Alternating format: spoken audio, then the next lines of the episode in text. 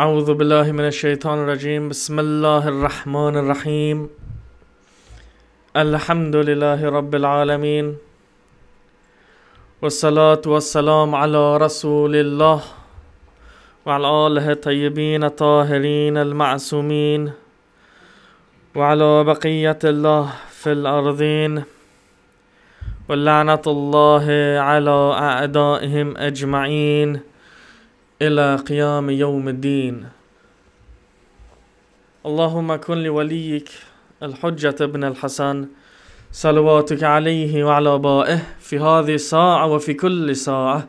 وليا وحافظا وقائدا وناصرا ودليلا وعينا حتى تسكنه أرضك طوعا وتمتعه فيها طويلا. För Imam Mahdis välgång och snara återkomst var salat.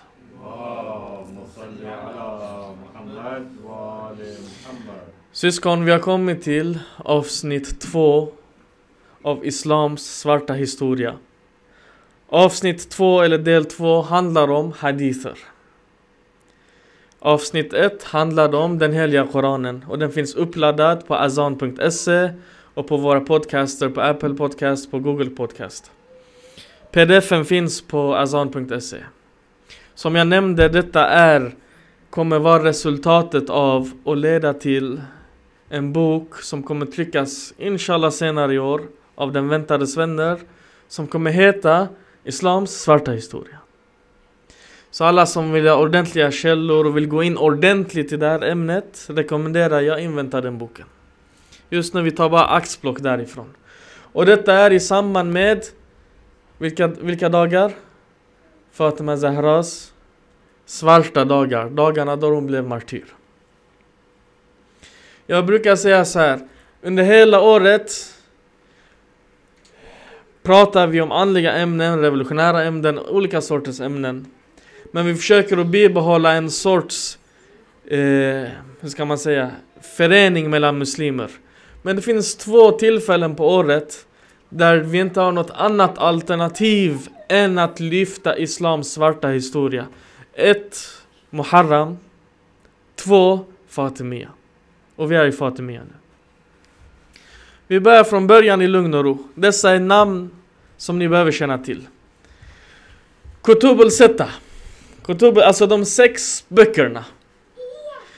De sex böckerna det är sex stycken hadith-samlingar som sammanställdes två århundraden efter profetens bortgång. Okej? Okay? Dessa sex kallas för de sex autentiska böckerna som utgör grunden för sunni-islam. Alltså när idag och därefter när man ville gå in och kolla vad har profeten sagt, vad har han, han inte sagt och så vidare. Man refererar till de här sex autentiska böckerna som man klassificerar som autentiska. Så efter Koranen vi går till de här sex. Vilka är de? Ni har hört dessa namn förut men det är bra man går igenom dem. Nummer ett, Sahih Bukhari av Muhammad al-Bukhari som dog år 256 efter Hijra. Ungefär 7200 hadither. Det är lite olika beroende på vilken eh, publicering. Ungefär 7000 hadither, okej? Okay? Nummer två, Sahih Muslim av Muslim ibn Halaj. Han dog år 261 efter Hijra. Cirka 9000 hadither. Bok 3 är Sunnan Abu Dawud från Abu Dawud. Han dog år 275 efter Hijra. 4800 hadither. Nummer fyra är eh, vad är Kamil Termidhi. Termidhi var, dog 279 efter Hijra, han hade också ungefär 4000 hadither. Och sen har vi eh, Sunnan el-Sughra av Nisai. År 303 efter Hijra dog han, 502 hadither, 5200 hadither ungefär. Som ni, som ni ser syskon, de flesta levde 250-300 år efter profeten. Och den sista, det är lite, de har lite olika åsikter. Vissa säger att det är Sunan ibn Majah av ibn Majah eller eh, Muwatta Malik av Malik ibn Anas. Malik ibn Anas är annan än Anas ibn Malik som var profetens följeslagare. Malik ibn Anas är en av de här, den annan person som levde på den tiden, så blanda inte ihop dem. I alla fall, de första fyra vi alla känner till, Sahih Bukhari, Sahih Muslim, Nisai, Tirmidhi, vi har hört de här namnen. Dessa utgör grunden för sunni-islam. Ur hadith synvinkel. Vi går vidare med statistik. Statistik från Sahih Bukhari. Dessa är tagna online, okej? Okay? Vi kollar på ämnen. I Sahih Bukhari finns det 93, 93 böcker eller kapitel, alltså varje bok den behandlar ett ämne. Okej, okay? så det finns 93 olika ämnen i den här hadithsamlingen. De fem kapitel som utgör, alltså topp 5 som utgör 25% av hela Sahih Bukhari är sorterade enligt följande, hadith, enligt följande antal hadither. Ämne nummer ett. Profetens kommentar och tolkning av Koranen. Cirka 500 hadither. Om ni minns syskon, vi pratade i del 1 om hur alla eh, eh, Koranen, Koraner med profetens tolkningar samlades ihop av kalifen och brändes upp. Här i Sahih Bukhari, yani de bränner alla tolkningar och kommentarer från profeten. Ändå, det ämne som är det största ämnet i hela Sahih Bukhari är profetens tolkning av Koranen. Väldigt spännande.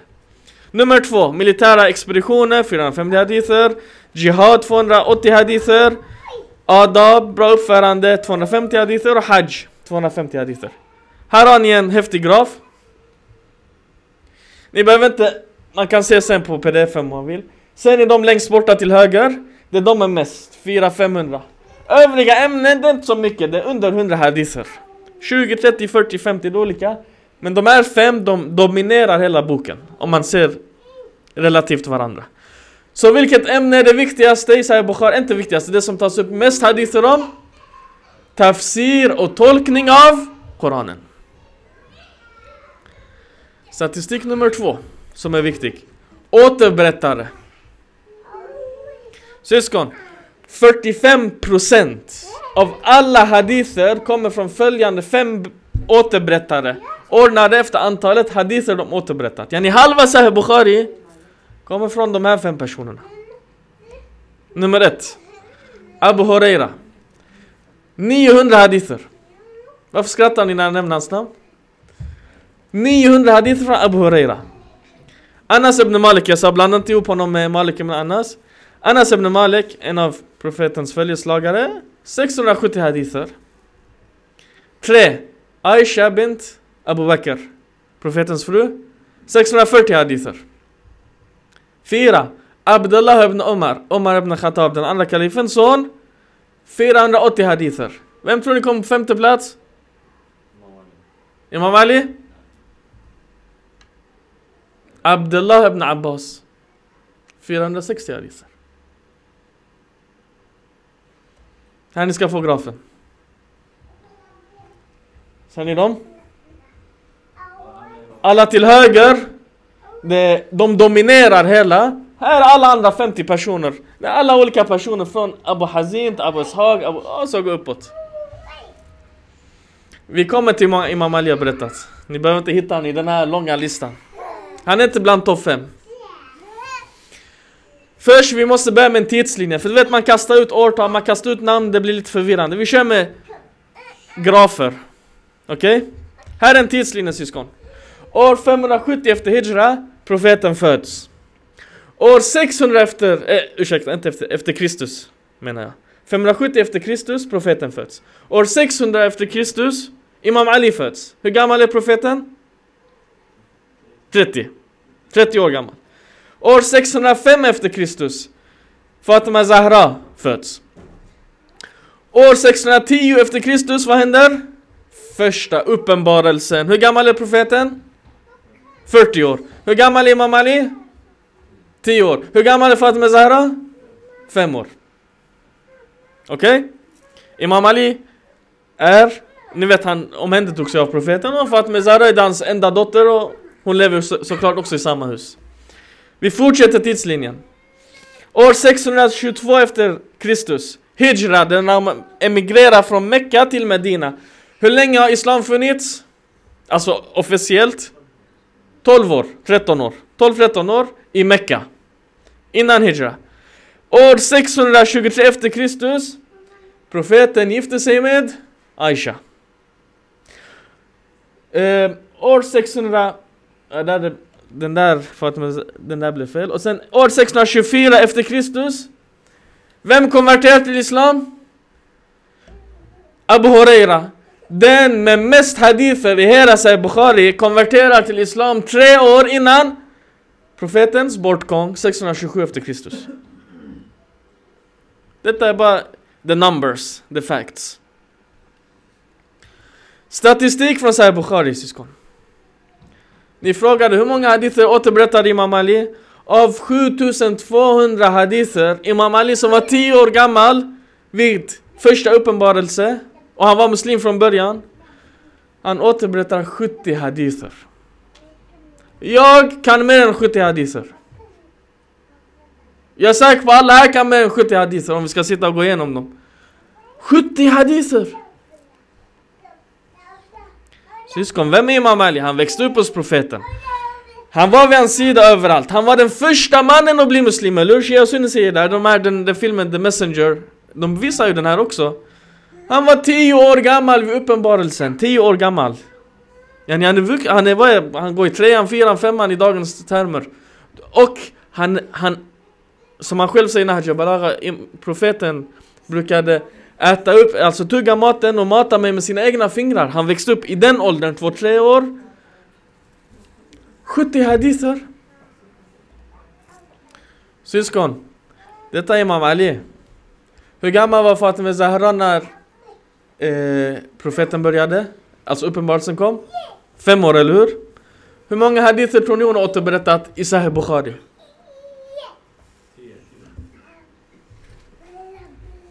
Inte en enda hadith återberättad av Fatima Zahra, profetens dotter, i Sahih Bukhari. Inte en enda hadith, syskon. Vissa säger hon föddes fem år innan uppenbarelsen, vissa källvissa säger fem år efter uppenbarelsen. Jag nu har upplevt 23 år eller 17 år av profetens uppenbarelse. Har hon ingenting att säga? Det är min egen pappa. Ja, en, en enkel fråga. Okej, okay, när profeten vaknade, vad gjorde han? Vad åt han till frukost? Vad var hans dagsrutin? När han kom hem? Läste han bok för dig? Vad gjorde han med dig? Inte, har hon har ingenting att säga? Idag, en person som är en fan av de här artisterna, en skådespelare, en musiker, de vet vad han äter till frukost, vilken favoritsport han har, vad han, har, vad han gillar för färg på strumporna, eh, vad han har på sig som piano, De vet allting om honom. För de, sådär. Har de inga frågor om Fatima Zahra? Vi går vidare syskon. Vad säger den heliga Koranen i Surah Ahzab? Hustrur till profeten. Ni skiljer er från andra kvinnor om ni fruktar Gud. Och stanna i ert hem men om ni måste lämna det, försök inte dra uppmärksamhet till ert yttre företräden på det sätt som var vanligt under hedniska tider. Ni håll en, håll en låg profil. Eller hur? Gå inte ut så mycket. Ja, ni, håll er borta från the public eye så mycket. Om ni går dit, håll en dold profil. Okej? Okay? Nu vi går tillbaka till statistik. Aisha. En av topp fem återberättar 650 hadither. 650 hadither, det är tio gånger mer än Imam Ali. Och hon konverterade, hon gifte sig ju sent med honom. Syskon. Var hon på alla platser? Var hon i alla samlingar? Var hon i alla krigen? I alla resorna? I alla möten som profeten hade med olika män och olika stammar? Var hon överallt? Var fick hon 650 hadither ifrån? Yani Imam Ali som är känd som att han var islams krigare, han var med i alla krigen. Varför har han bara 70 hadither? Hur kan Aisha ha 650 hadither? Yani var det bara sånt hon hörde medan profeten var hemma? Om det bara var, om profeten pratade så mycket med bara henne, varför säger inte de andra fruarna så många hadither? De är listade, det finns om Salama, Meimuna och så vidare, de här som har 50-60 hadither. Varför har de 10 gånger så mycket hadither? Ja, ni pratade bara profeten med henne?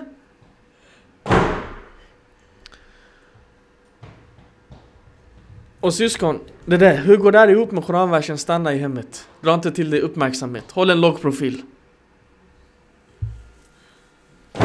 Om vi pratar om bara hemmet, var inte Fatima Zahra också i det här hemmet? Varför har vi inga hadither därifrån?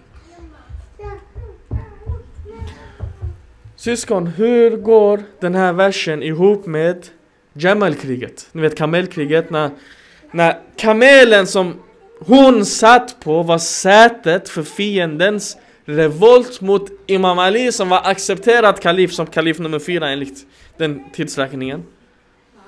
Yani han är accepterad som kalif. Hur var hennes agerande? Var det stanna i ditt hem eller om du går ut drar inte till dig uppmärksamhet? Du sitter i mitten på en jättestor kamel och du har hundratusen soldater runt omkring dig och du, du pratar med dem och säger gå och kriga, hon är på krigsfältet. Vilken annan fru har gjort så här? Passar det ihop med koranversen?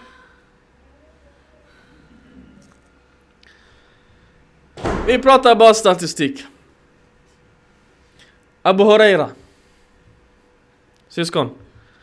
900 hadither. Den sjätte del av den heliga Koranen. Äh, äh, ursäkta. Den sjätte del av Sahih Bukhari. En sjättedel kommer från en person som har varit muslim i tre år. De säger ja, ett, profeten bad för Hans, han fick en mycket stark memorering och minne. Okej, bad bara profeten för Abu Huraira? Yani, alla de här 20, 30, 40 år han var med Imam Ali, bad han aldrig för Imam Ali? Abdullah alla de andra som han bad för, yani, var det specifik? Bara du ska få den här? Nummer två, de säger ah, Abu Huraira var med profeten överallt. Okej. Okay. Var det bara han som var med honom överallt? Han var bara tre år med honom. Hur mycket ska du hinna på tre år?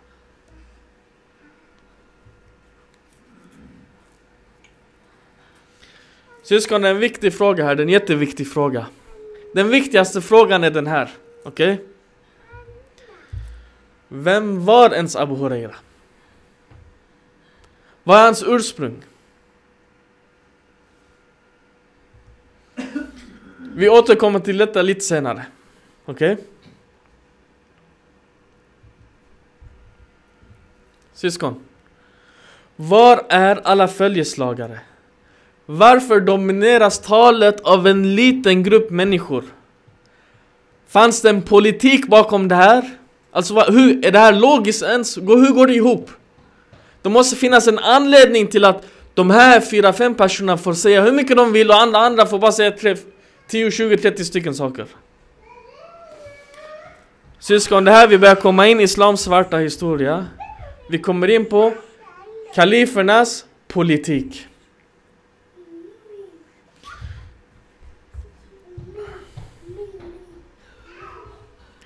Syskon. Tre följeslagare.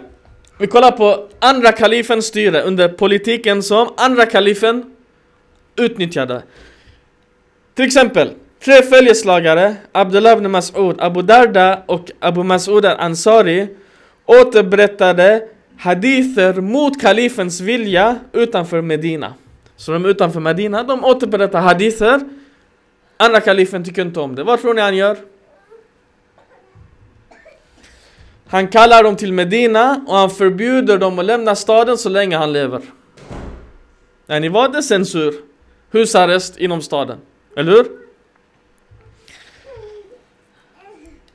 Kharazat ibn Ka'b Han skickas som regeringstjänsteman till Kufa. Okej? Okay? Han eskorteras till Medinas gräns. De är tio stycken, han skickar dem. Eh, den andra kalifen. Bland dem är Amar Yasir också. De skickas till Kufa. Den här Karazat, eh, han var i Ohud-krigar, han var i andra krig. Eh, när Imam Ali var kalif, han utnämnde honom som guvernör i Kufa. Han dog under Imam Alis kalifat.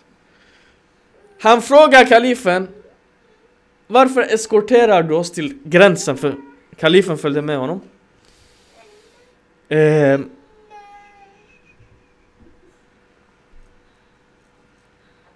Omar avslöjar sin eh, avsikt. Han säger till dem, han säger att jag vill av er att när ni kommer till Kufa, ni ska förvandla Kufa att de ska recitera Koranen som bina i bikuporna. Bara Koranen och förminska återberättelser från profeten. Yani det var hans instruktion. Så vad gör han? Han avslöjar sin, eh, sin avsikt. Så när han var i Kufa, Kharazat, när han kommer och frågar om olika hadither, så säger han Omar har förbjudit oss för att prata om det. Ja, han besvarade inte frågor om hadither. Vad gör man? Man lägger lock på det. Sabek ibn Asl Tamimi Han är från en jätteförmögen eh, stam, Tamim-stammen från Alexandria Tre olika tillfällen, han frågar dem Sahaba och följeslagare som finns i trakten han frågar dem om Koranens tafsir, tolkning Vad händer? Amr ibn As informerar Omar om det här Han hämtar honom, han kallar honom till sig, han har en påse dadlar han slår honom med den här påsen med dadlar så pass mycket att blodet forsar från hans ansikte han säger Ja Amir al sluta för allting som fanns i mitt huvud har trillat ut. Så mycket han slår honom. Andra gången han hämtar honom, han piskar honom hundra piskrapp. Tredje gången han frågar om tafsir, han hämtar honom och han skickar honom till Basra. Vem är guvernör i Basra? Abu Musa Ash'ari. Han skickar honom och instruerar honom, låt ingen prata med honom. Så det kommer announcement i hela staden, ingen får prata med den här mannen. Han går i moskén, han går i basaren, han går i handeln, överallt han går för folk vänder ryggen till. Ingen pratar med honom, ingenting. Till sist han får nog, han säger Snälla kan någon bara prata med mig? Vad är det här? Det här är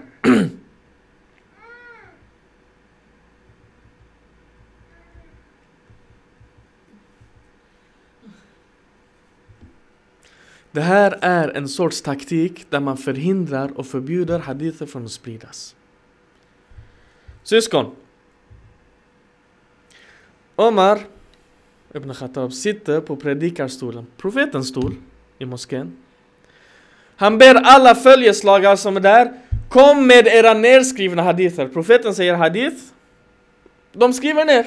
De har sina personliga anteckningar och dokument, precis som ni, ni går i skolan, ni skriver ner era anteckningar eller mötesprotokoll.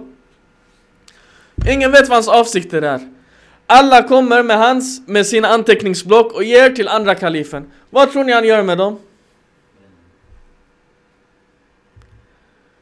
Precis samma sak som de gjorde med Koranen. Yani de tar, och samlar varenda nedskrivet dokumenter dokumenterat ord från profeten och bränner upp det. De bränner inte bara Koranen, de bränner haditherna.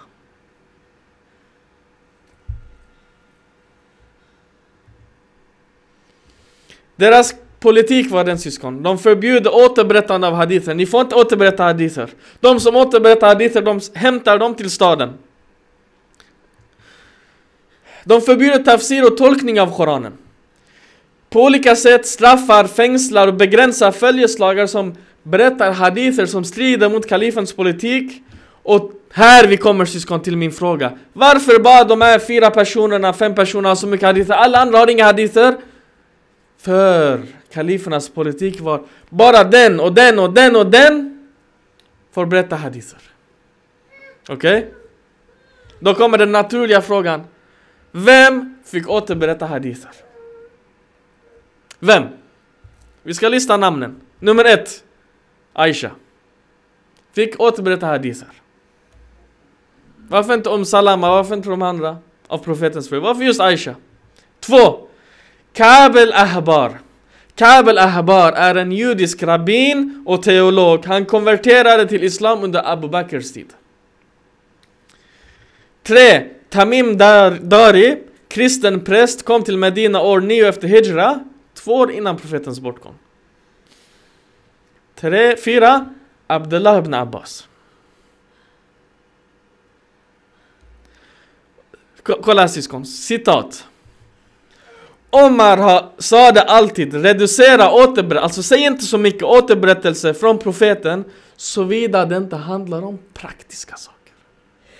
Abdullah ibn Abbas i Tarikh ibn Kathir. Tarikh ibn Kathir var en av de etablerade välkända sunni-historikerna. Återberätta inte bara ah, du ber så här, du fastar så här, du gör hajj så här. De här, praktiska. Inget mer. Prata inte om någonting annat. Yani det var censur på Abdullah ibn Abbas och de andras mun.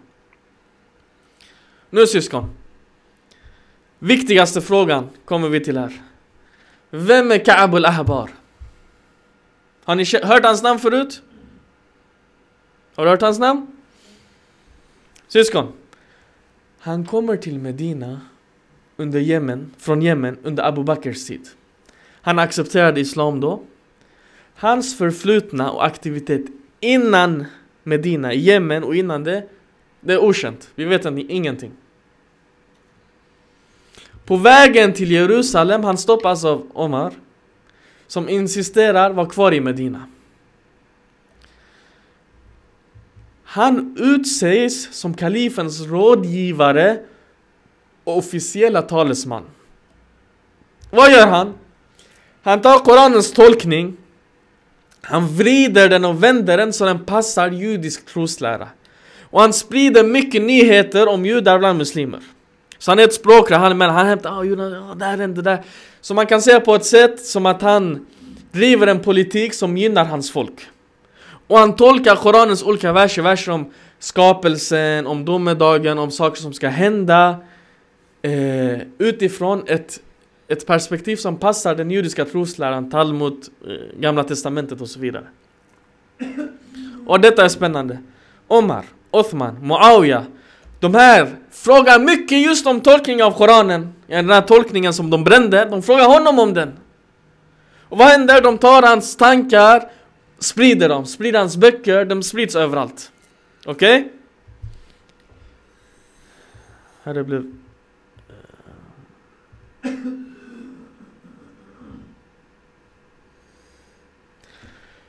De här sakerna som man pratar om syskon, de kommer in, Tariq Tabari, Ibn Kathir med flera. De, de smyger sig in i sunni-islamiska historieböcker som är de första vi har. Så det lägger en grund för hur vi ska tolka och förstå Islams historia och profeten. Abdullah ibn Abbas har mycket konflikter med honom. Vi läser i historia, de har diskussioner. Eh, gång på gång Abdullah ibn Abbas säger till honom Du förvränger sanningen, det här är en lögn, det här är inte sanning. Vad gör du för någonting? Syskon. Han utbildar två nyckelpersoner i Islams svarta historia. Två nyckelfigurer. Vilka är de här två? Nummer ett. Abu Huraira. Nummer två. Abdullah ibn Amras. Amras som är Muawiyas högerhand och hjärna. Det är han som till exempel i Sifinkrigan säger res Koranen på spjut och så vidare. Det är hans son. En son som har direkt inflytande på sin egen far. Förstår ni vilken grund som har lagts här syskon? Nu jag ska lägga ett citat, det är inte från mig. Det är inte från någon muslimens. Citatet lyder enligt följande. Kristna och judar skrev om Kab, skrev om Kab i sina legender om Islams uppkomst med önskan att avlägsna Koranens trovärdighet genom att referera till judiska konvertiter som Kab som korrumperade Muhammeds skrift inifrån. Vem säger det här? Liran Jagdar, professor i judiska studier i Yale University. När säger han det här? Han säger det på den 17, världs, 17 världskongressen för judiska studier i Jerusalem 2017. Ungefär två år sedan.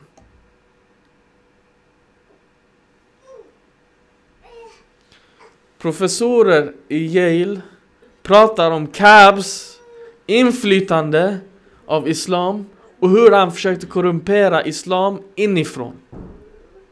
Och hans student är Abu Huraira. Och Abu Huraira återberättat en sjättedel av Sunni-Islams viktigaste hadith-samling. Förstår ni vad detta ger upphov till? Vilka konsekvenser detta orsakar syskon?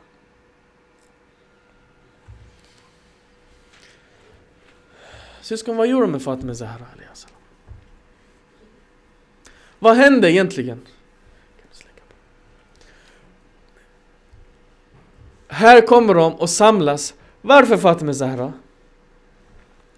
Den här, hon håller ett tal, ni vet. Hennes hus är i Medina, alltså i Masjid Nabi, profetens moské. Hennes hus är i den. Så varje gång du ska gå in i moskén, Eh, där du ber, du passerar hennes hus, det är dörr mot dörr, därför den här kända hadithen finns. Inget fönster eller dörr får vara öppen mot, mot moskén, utom min och Alis hus. Yani Fatimas hus. Vad gjorde de med den här profetens enda dotter. Så att de tar Fadak, det här landet som hon har fått som arv från profeten. Hon kommer till moskén, hon håller ett brinnande tal och hon får folk att gråta och hon klagar och hon fastställde att det här var min rätt och de tog den ifrån mig. Detta var hennes, eh, en av de kända dispyterna som han hade med första kalifen Abu Bakr. Vad som händer är att profeten begravs.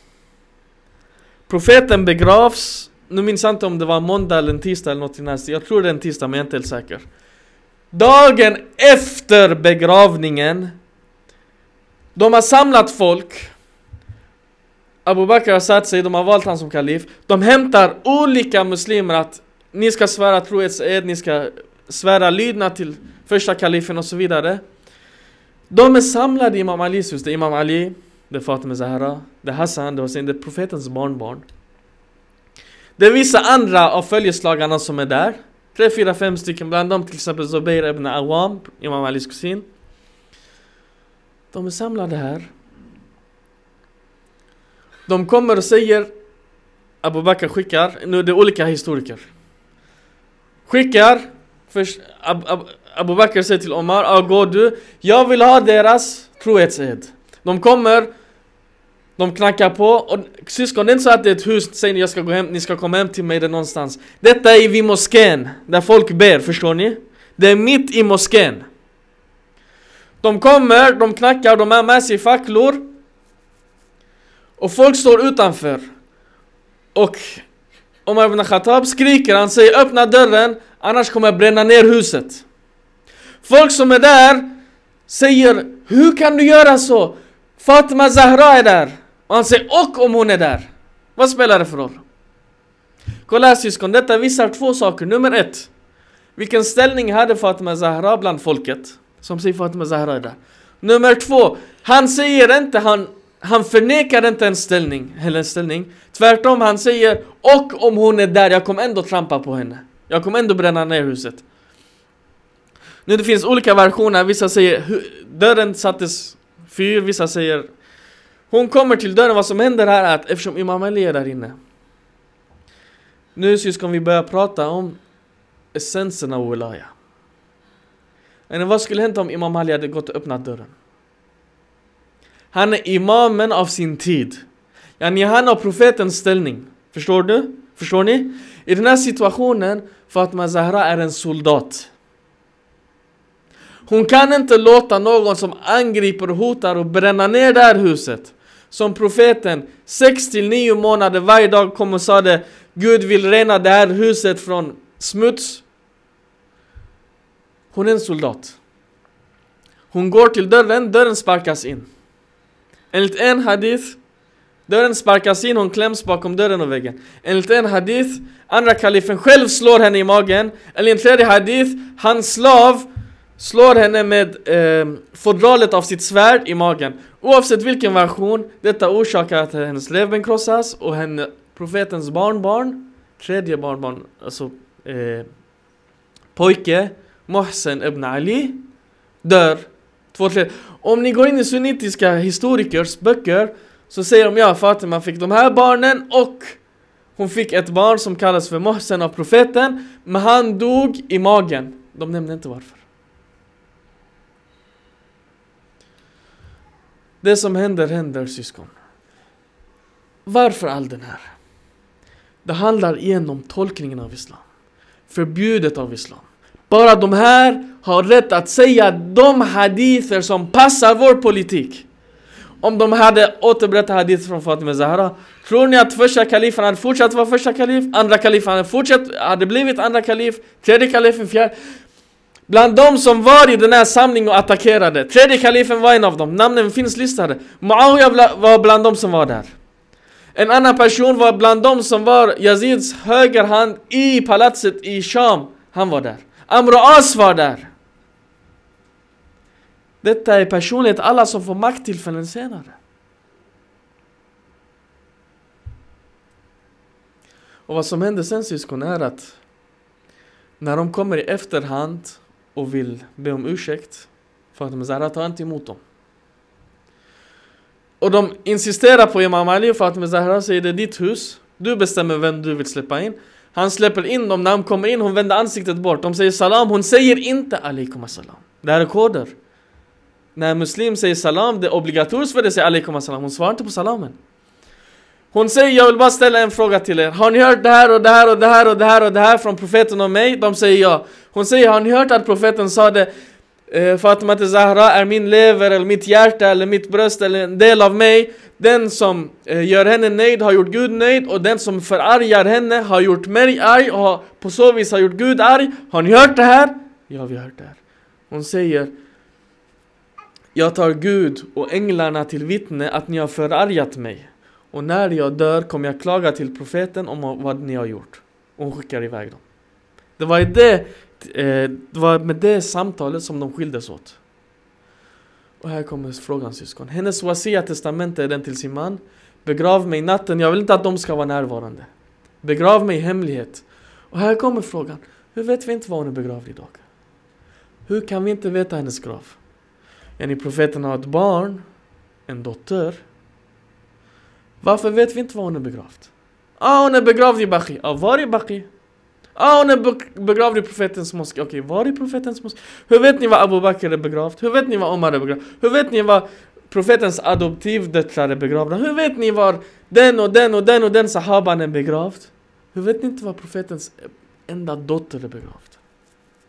Varför vet vi inte det här? Varför vill hon inte att någon deltar i hennes sorgeceremoni, hennes begravningståg? En av de sakerna som är rekommenderat för en muslim, när en muslim där man ska delta i begravningståget. Profeten gjorde det här själv. Varför den här anonymiteten och hemligheten och ingen ska få reda på det? Varför?